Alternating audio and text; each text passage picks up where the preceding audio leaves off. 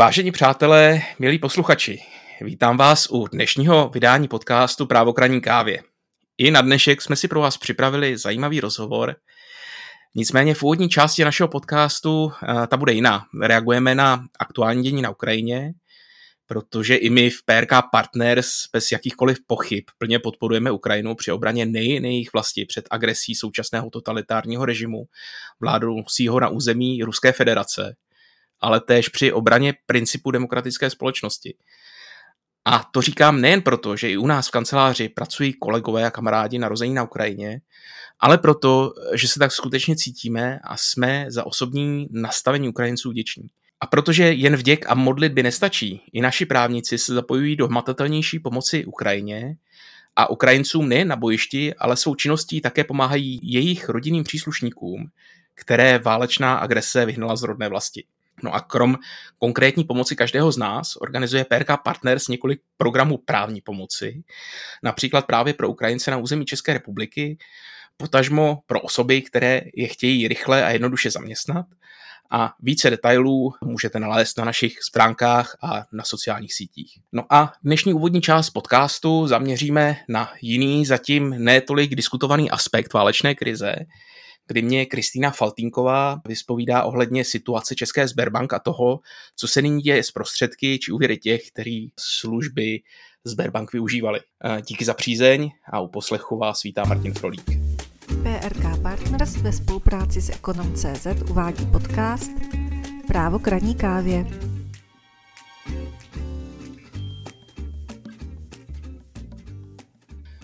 Dobrý den, já jsem dnes dostala novou roli a budu se našeho stabilního moderátora Martina Frolíka vyptávat eh, na detaily ohledně Sberbank. Takže za sebe, Kristýnu Faltinkovou, vás vítám u této uh, úvodní části našeho podcastu. A rovnou se Martina zeptám.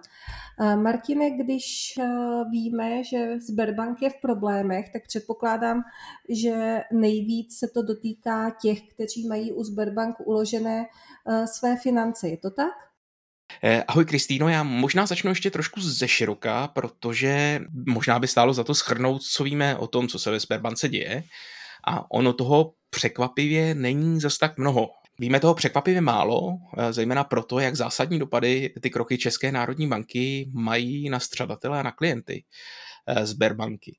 To, co vlastně víme, je, že někdy 28. února Česká národní banka informovala garanční systém podle jednoho ustanovení zákona o bankách eh, o neschopnosti Sberbank dostat závazkům za zákonných a smluvních podmínek. Z těch informací, které máme k dispozici, se jeví, že šlo o likviditní krizi, nikoli o předlužení to vyplývá i z toho uh, dovědku, že uh, Sběrbanka nemohla dostat závazkům dle zákonných a smluvních podmínek. No a uh, zároveň ve stejný den Česká národní banka sdělila na svých stránkách, že mělo dojít k zahájení správního řízení z moci úřední odnětí bankovní licence, v rámci něhož bylo vydáno předběžné opatření, které specifikovala velice obecně. Řekla, že bance bylo zakázáno nakládat eh, s jejími prostředky. Ty informace, které máme, jsou trochu nejasné. Víme určitě, že se to týká zákazu přijímat eh, nové vklady a poskytovat úvěry, ale je možné, že skutečnost se trošku liší. Asi nejblíž, eh, kde máme nějaké informace o tom, co by předmětem těch výroků předběžných opatření mohlo být, je fakt nebo nějaké běžně nebo často kladené dotazy, které na, české, eh, na stránkách České národní banky Manka zveřejnila. A velice teoreticky se to může týkat těchto čtyřech oblastí. Jednak eh, by se to mohlo týkat zákazu poskytování úvěrů, včetně umožnění čerpání úvěrů těch, které jsou rozčerpané, typicky u hypoték, kde se postupně financuje stavba. Nesmí ani prodlužovat splatnosti již poskytnutých úvěrů. Zároveň došlo k zákazu jakéhokoliv s přijímání nových vkladů, ať už úplně od nových subjektů, nebo i v rámci stávajících vztahů. Jinými slovy, odmítají se eh, příchozí platby i na běžné účty. Potom došlo k zákazu jakéhokoliv jednání vedoucího k pořizování či nákupu aktiv eh, s přiřazenou rizikovou váhou větší než 0%. Jinými slovy, banka, Sberbanka v tuto chvíli nesmí uh, ty prostředky ukládat prostřednictvím nějakých investic jinak než na účty třeba České národní banky nebo jiných bank. No a poslední, podle posledního opatření nejspíš došlo k zákazu scizování aktiv jej, nebo jejich zatěžování právě třetích osob. Což je vlastně otázka, co přesně tohle to znamená. Eh, předpokládám, že jak Sberbanka, tak ČNB pod tímto pojmem rozumí, že se nesmí ani vyplácet ze současných vkladů ale vlastně tady je trošku zajímavé přemýšlet o tom, co to scizování aktiv je a jestli to skutečně třeba znamená i plnění ze stávajících smluv. Takže to znamená, že eh, Sberbanka je významně omezená v tom, co může a nemůže dělat. A teď je otázka, co tedy mají dělat eh, její klienti, kteří u ní mm-hmm. mají otevřené účty. Pokud je o účty, to znamená slovy práva nebo zákona, jsou to klienti s vklady, ty by v žádném případě neměli posílat na ty své účty peníze, ať už ze svých účtů, nebo by měli změnit třeba účet pro příjem výplaty. To znamená, optimálně už eh, touhle dobou klienti měli mít uh, účet u jiné banky. Co je důležité říct, že nefunguje takzvaná mobilita nebo kodex mobility. Je to věc, která eh, platí posledních, já nevím, 5-6 let, možná o trošku díl, a znamená to, že eh, v rámci takzvaného běžného platebního účtu já bych měl být schopen eh, celkem jakoby lusknutím prstů změnit, eh, změnit banku a ta banka nová by si měla převzít ten účet v uvozovkách s tím, že se přetáhnou i inkasa a pravidelné platební příkazy a tak. Tohle to v tuhle chvíli nefunguje. No a pro klienty v sklady ta poslední věc a předpokládám, že nejdůležitější, kdy se dostanou ke svým penězům, tak eh, garanční fond, respektive garanční systém, který má jako jednu z činností právě pojištění vkladů bankovních institucí, začne vyplácet v nejposlednější možný termín, který zákon umožňuje, a to je 9.3 tohoto roku. To znamená, že na pobočkách komerční banky, která byla určená právě k výplatám nebo zprostředkování výplat právě z toho garančního systému, eh, by od středy 9.3. měl každý klient být schopen dostat se ke svému vkladu do výši ekvivalentu 100 000 eur, v některých případech i, i dvojnásobku. No a co se potom bude dít se zbytkem těch peněz, respektive uh, se zbytkem banky? Bude banka dál fungovat? Jasně, jak už jsem uh, říkal před chvílí, uh, Česká národní banka zahájila řízení o odnětí licence bankovní. To znamená, že banka myslím jako Sberbank teďko, po nějaké době z největší pravděpodobností přijde o možnost působit dál jako banka. Nicméně zákon o bankách říká, že i banka, která přišla o licenci do té doby, než vypořádá všechny své závazky eh, z té bankovní činnosti, je stále považována za banku a eh, lze tedy očekávat, respektive zákon předpokládá, že ta banka bude dál plnit z těch smluv a nějakým způsobem ty aktivity buď převede na někoho jiného, aby ten mohl plnit z těch smluv, anebo, nebo, ty, eh, nebo ty své činnosti vypořádá. Eh, pravděpodobně dojde k nějakému druhu likvidace eh, té banky s tím, že se asi bude rozprodávat aktiva a bude docházet k převodům stávajících smluv, nebo možná dojde k převodu z celého podniku banky. Otázka je, za jakou hodnotu. Jestli se podaří vlastně utržit za prodej těch aktiv dostatek peněz, aby banka byla solventní, eh, až přijde, eh, až přijde na řadu výplata těch závazků, a nebo jestli by eh, mohlo dojít třeba k, k insolvenci té banky, potom by bylo důležité vědět, že práva, respektive závazky z těch vkladů se vypořádají eh, v prioritním sledu před ostatními věřiteli, tedy až po garančním fondu, který si nejdříve stáhne eh, z zůstatku banky hodnotu, která odpovídá těm vyplaceným pojistkám toho vkladu. No, tak to jsme probrali, co se bude dít eh, s klienty, kteří tam měli nebo mají uložené peníze a s bankou jako takovou.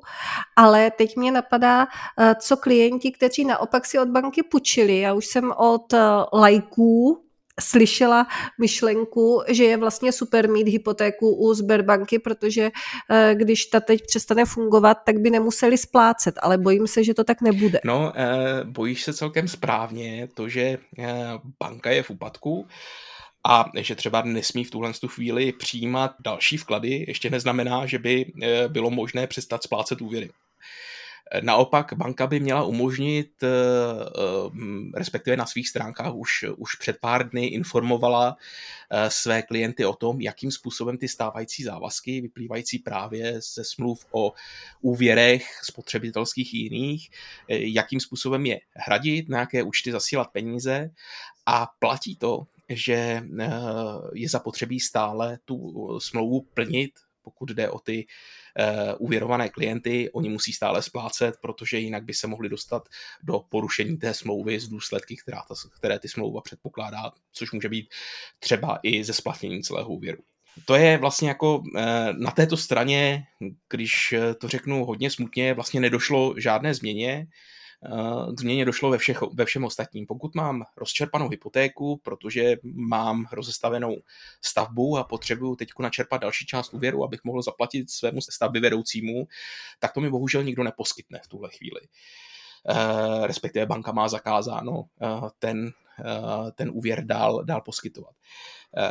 V tomhle ohledu by asi Sberbanka měla pod kuratelou České národní banky umožnit co nejdříve refinancovat ty úvěry, protože zejména pro ty rozestavené klienty s částečně načerpanou hypotékou tohle to bude velice zásadní. Oni si nemůžou úplně jednoduše vzít novou hypotéku, protože na té nemovitosti bude stále asi váznout zástavní právo a teprve po vzájemné domluvě starého finančního eh, domu, nového finančního domu a toho klienta asi dojde k eh, nějakému zániku toho předkupního práva, respektive eh, zástavního práva, pardon, a převodu na tu novou banku. No pokud je o ostatní klienty, ty mohou vyčkávat, co se s jejich úvěrama bude dít dál.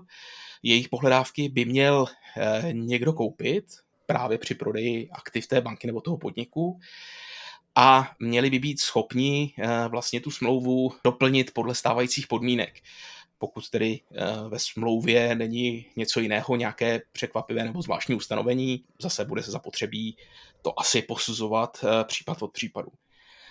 No a pokud jde o podnikatelské úvěry, tam asi bude hodně záležet na smlouvě ty, tyhle úvěry nebývají až tolik standardizované a můžou tam být speciální ustanovení, které je zapotřebí, aby viděl právník předtím, než poradí, co přesně by se mělo dělat. Takže lze doporučit, aby se klienti s právníky spojili, aby tím poradili, co by se dalo ještě ohledem na obsah těch smluv eh, řešit? Minimálně u těch velkých eh, korporátních úvěrů a, a podnikatelských úvěrů to dává jistý smysl.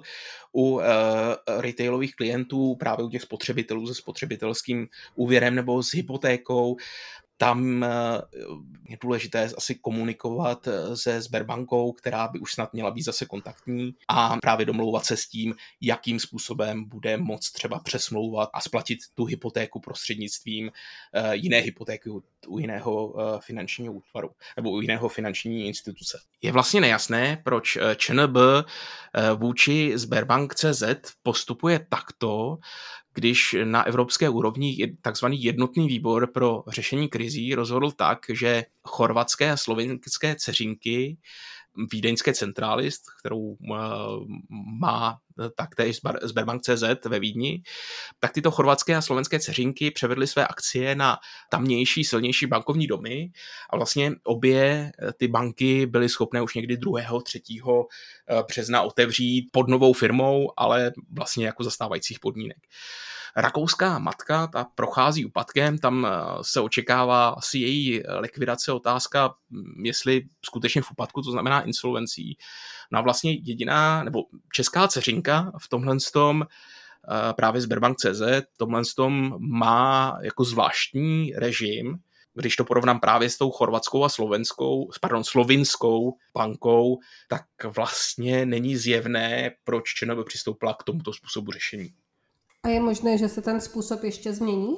To nemůžu říct, nevím podle jakých ustanovení přesně ČNB vůči, eh, vůči uh, Sberbank.cz postupuje. Z největší pravděpodobností to bude podle uh, takzvaného zákonu ZOPRK, což je uh, zákon o o zdravných postupech a řešení krize na finančním trhu, což je právě jakoby úpadkový zákon pro banky, respektive pro banky a jiné finanční instituce, které se dostaly do, do defaultu, které selhávají ale vlastně není úplně zjevné, podle kterých ustanovení postupuje.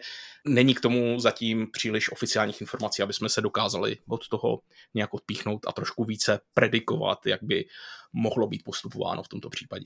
Takže v zásadě mi z toho vychází, že každý, kdo má jakýkoliv vztah ke Sberbank, ať už tam má účet eh, nebo hypotéku nebo jiný úvěr, tak by si měl najít veškerou smluvní dokumentaci, sledovat eh, informace ať už od Sberbank nebo České národní banky a v případě nejasností se poradit eh, s právníky či advokáty. Nicméně ty informace zatím stále nejsou kompletní, takže je možné, že na některé otázky ani my neumíme odpovědět v tuto chvíli. Tak, pokud je o vkladatele, tam bude důležité, aby jednak ve středu, eh, jak jsem říkal 9.3. se eh, zastavili na pobočkách komerční banky. Komerčka má eh, uvedeno na svých stránkách, na kterých pobočkách probíhají výplaty, i za jakých podmínek. Pro jednoduché případy by to mělo jít jenom na základě občanského průkazu, kdy se člověk prokáže prostřednictvím občanky, že byl klientem Berky a může rovnou dát eh, instrukci, kam ty peníze z toho pojištění vkladu převést. A pokud jde o ty eh, věřitele banky, jinými slovy dlužníky, ty, co mají načerpaný úvěr, tak tam by měla Sberbank co nejdřív se stát kontaktní, pokud už není, a měla by být schopna s klientama řešit možnosti jejich, jejich refinancování. A právě jakoby splátky toho stávajícího dluhu. Martine, já ti moc děkuji za plno důležitých informací a věřím, že jakmile se dozvíme něco nového, tak i prostřednictvím našich sociálních sítí a stránek budeme, budeme o tom informovat. Mm-hmm. Já děkuji za pozornost a všem uh, lidem, kteří tento nepříjemný problém s, se svými účty nebo se svými úvěry řeší, tak aby uh, měli co nejdříve klid a aby se ke svým penězům dostali co nejdříve. Děkujeme za pozornost a navazovat bude další část tohoto podcastu, ve které už Martin zase přebírá zpátky roli moderátora. Kristýno, díky a nashledanou, naslyšenou. Naslyšenou.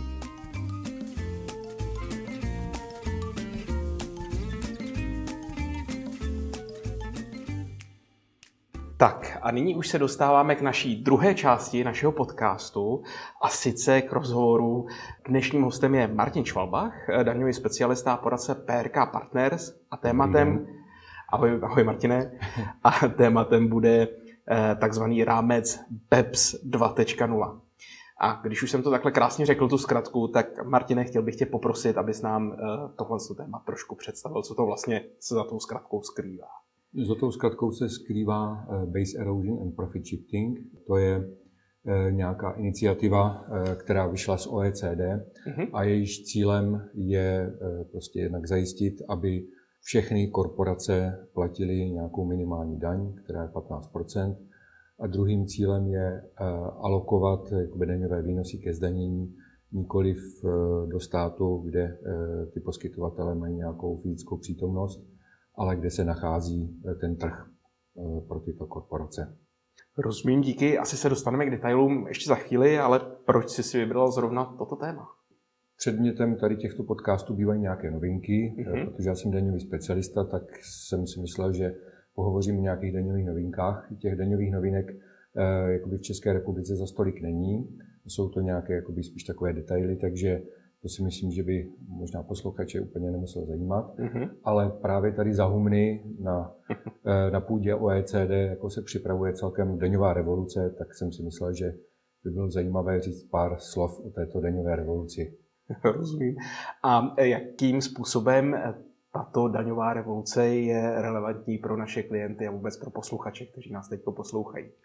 No, já si myslím, že v této fázi ještě jakoby příliš relevantní není. Aha. Ona míří především eh, jakoby na velké podniky nebo velké mezinárodní skupiny, kterých v České republice jakoby moc není. Mm-hmm. Takže eh, to si myslím, že jakoby z tohoto pohledu to není až tak jakoby zajímavé téma pro jakoby poplatníky v České republice.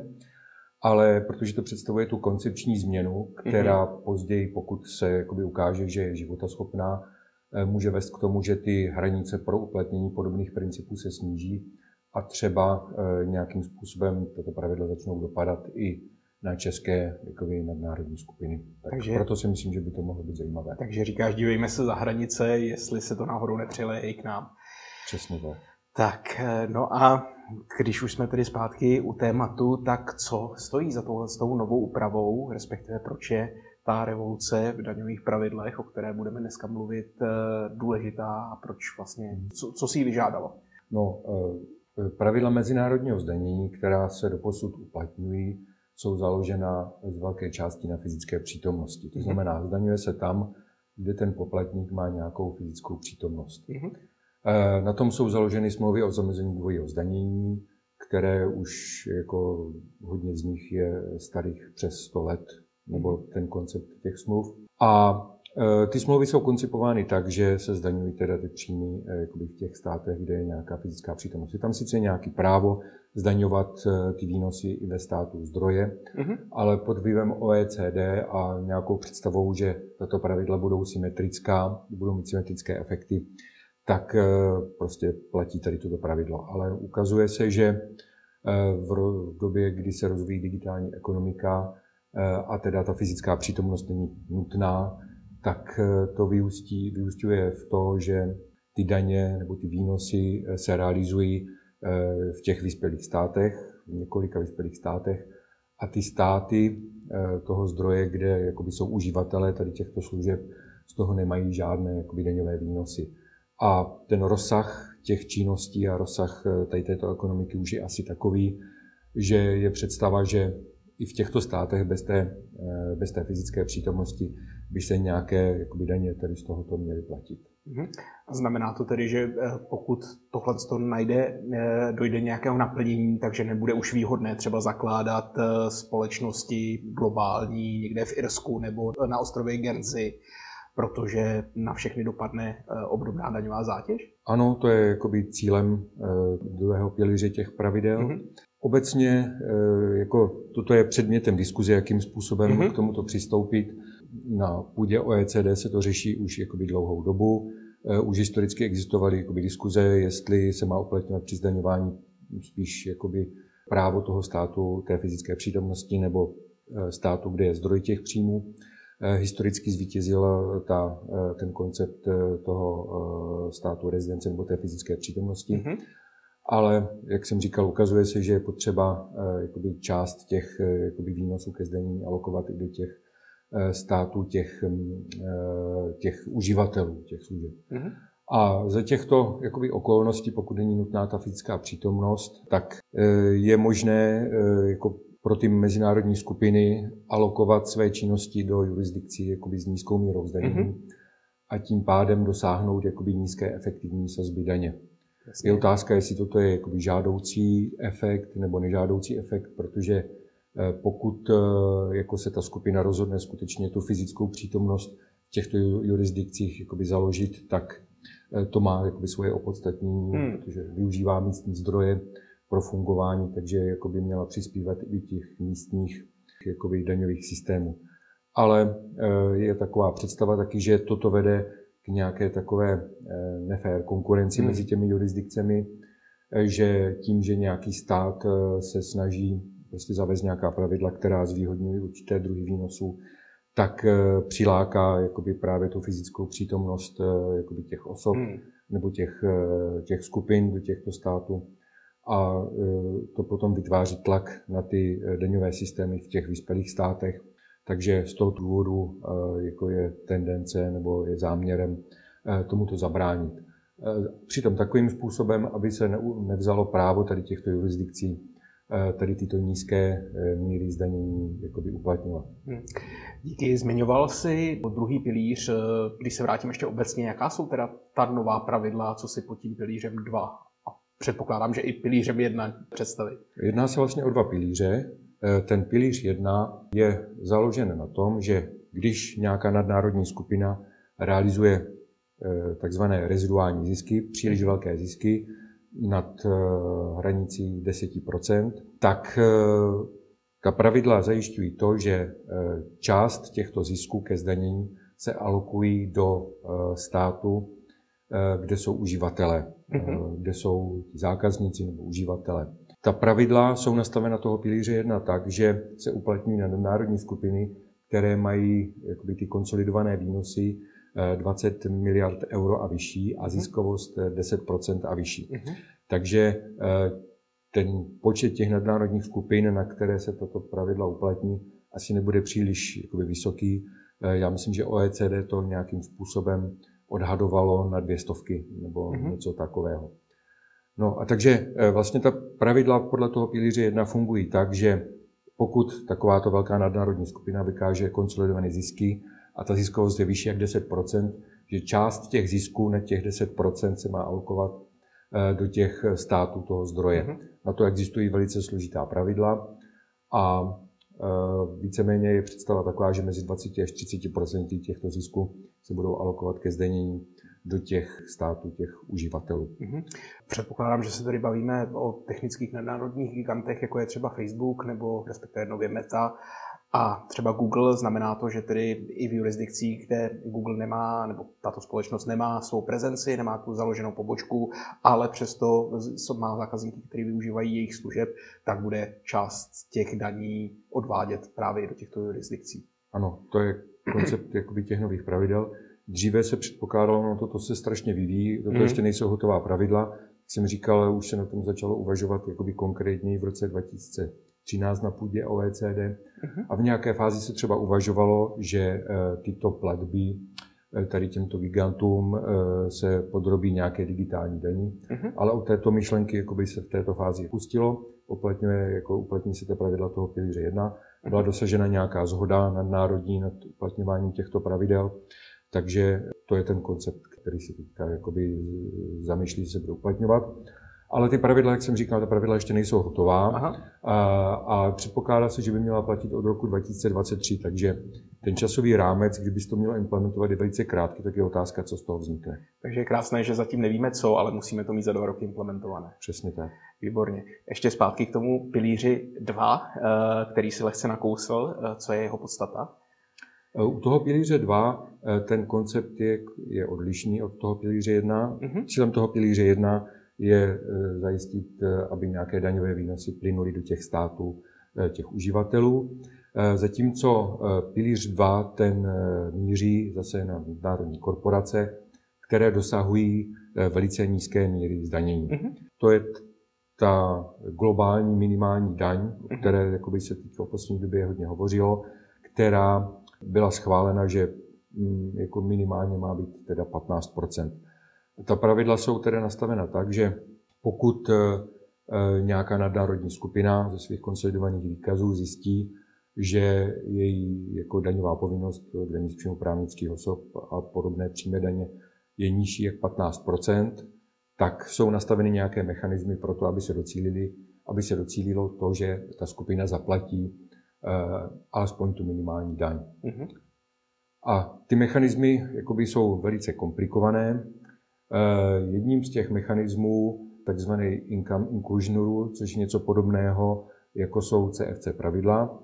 To je pravidlo, které říká, že pokud já mám, eh, jsem v nějakém státu, která uplatňuje standardní míru zdanění, v České republice je to daň příjmu právnické osoby 19%, mm-hmm Mám ceřinou společnost, eh, která je v nějakém daňovém ráji a platí efektivní daň, která je nižší než polovina té české korporátní daně, tak pro české daňové účely já můžu považovat tady tuto svou kontrolovanou osobu za eh, jakoby českého daňového rezidenta. Uh-huh.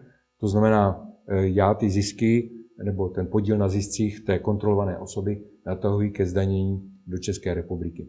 A vlastně tady tento koncept je jako podobný, to znamená je nějaká nadnárodní skupina, která se podívá na ty konsolidované výsledky a když podle těch konsolidovaných výsledků zjistí, že e, ta míra zdanění je nižší než těch 15%, tak má právo e, vyměřit takzvanou top-up tax, mm-hmm. e, to znamená dorovnávací nějakou daň na tu nadnárodní skupinu, aby dosáhla té minimální, minimální míry zdanění. Takže toto je nějaké pravidlo, které eh, jakoby znevýhodňuje jako ty skupiny, které jakoby se usazují v těch lokalitách, těch jurisdikcích s výhodnou mírou zdanění, protože tím, že v této lokalitě jakoby ušetří, potom neznamená, že ve výsledku ušetří jakoby globálně ta skupina. A nově tedy tato pravidla by měla být zavedena ve všech jurisdikcích, respektive u všech států, které se přihlásily k tomuto novému rámci. Přesně tak, přesně tak. Rozumím. Takže eh, hledání daňových optimalizací bude zase o trošku těžší. No, já si myslím, že ty pravidla se budou postupně vyvíjet. Hmm. Eh, já si jako myslím osobně, protože tam je spousta výjimek, eh, třeba jako jedna z těch výjimek, tady z těchto pravidel, že se to nevztahuje na regulované finanční subjekty, mm-hmm. to znamená investiční fondy a podobně. Mm-hmm. Tam ta představa nebo ta motivace za tímto postupem je asi taková, že eh, už jsou to nějaké zdaněné peníze, kterými ty investiční fondy jakoby disponují. Mm. A teprve v okamžiku, když ty fondy realizují nějaké zisky, tak by měly být a vyplatí je těm investorům, tak by měly být někde zdaněny. Takže to je jedna velká mm. Nemá se to vztahovat na mezinárodní přepravu. Mm. Uh, takže jako těch výjimek je tam spousta. Uh, chce se tam taky zajistit to, že skutečně jakoby existují nějaké jurisdikce, které uh, mají tu daň nízkou z toho důvodu, že prostě mají třeba efektivní, daň, eh, efektivní jakoby státní systém financování. A eh, nejedná se o nějaké daňové plánování, nejsou tam jakoby subjekty nějaké obálkové společnosti a podobně. Eh, mají tam určitou jakoby substance v těch jurisdikcích, takže jsou tam nějaké úpravy tady tohoto principu pro ty společnosti, které tam skutečně jakoby vykonávají nějakou činnost. Takže já bych řekl, že těch výjimek z těch pravidel a ta konstrukce těch pravidel bude tak nová, hmm. že jako se obávám, že to nepovede k nějakým eh, jakoby výrazným jakoby dopadům na tyto nadnárodní skupiny. Ale pokud se ta pravidla budou nějakým způsobem na té mezinárodní eh, úrovni dál vyvíjet, tak hmm. Eh, asi postupem času jako začnou, začnou jako na ně dopadat. No. Takže se bavíme o nějakých přibližně 200 nadnárodních pokusných králících, na kterých se tato pravidla budou etablovat a posléze eh, salámovou metodou dopadnou asi i na menší firmy a eh, mhm. širší okruh. U toho pilíře 2 ten, eh, ty konsolidované výnosy, které jsou relevantní pro tyto účely, jsou, myslím, že 750 tisíc nebo 750 milionů euro, takže mm-hmm. ta hranice je nižší než těch 20 miliard, mm-hmm. jako pro ten pilíř 1, takže tam to dopadne asi jakoby na víc eh, subjektů, Aha. ale spíš jakoby ta technika těch pravidel a ta novost a ta implementace jako těch pravidel eh, podle mě povede k tomu, že eh, jako tam budou velké rozdíly a je otázka, jak ty rozdíly potom se podaří nějakým způsobem překonat tak, aby jako to vedlo k tomu očekávanému cíli. Rozumím, díky. A poslední otázka. Eh, říkal jsi, že pravidla ještě přesně daná nejsou, zároveň, že implementační lhůta je předpokládána v roce 23, to znamená relativně brzo. Jaký eh, vidíš jakoby far plán, abych použil nějaké hezké české slovo, eh, na to, jak se ta legislativa bude dál vyvíjet, respektive k čemu se podívat, kam se dívat na obzor, abychom věděli, co hmm. se, co se děje, jak, jak se zafixovávají ty pravidla? Eh, já si myslím, že je potřeba sledovat vývoj na OECD, mm-hmm. protože to je iniciativa OECD.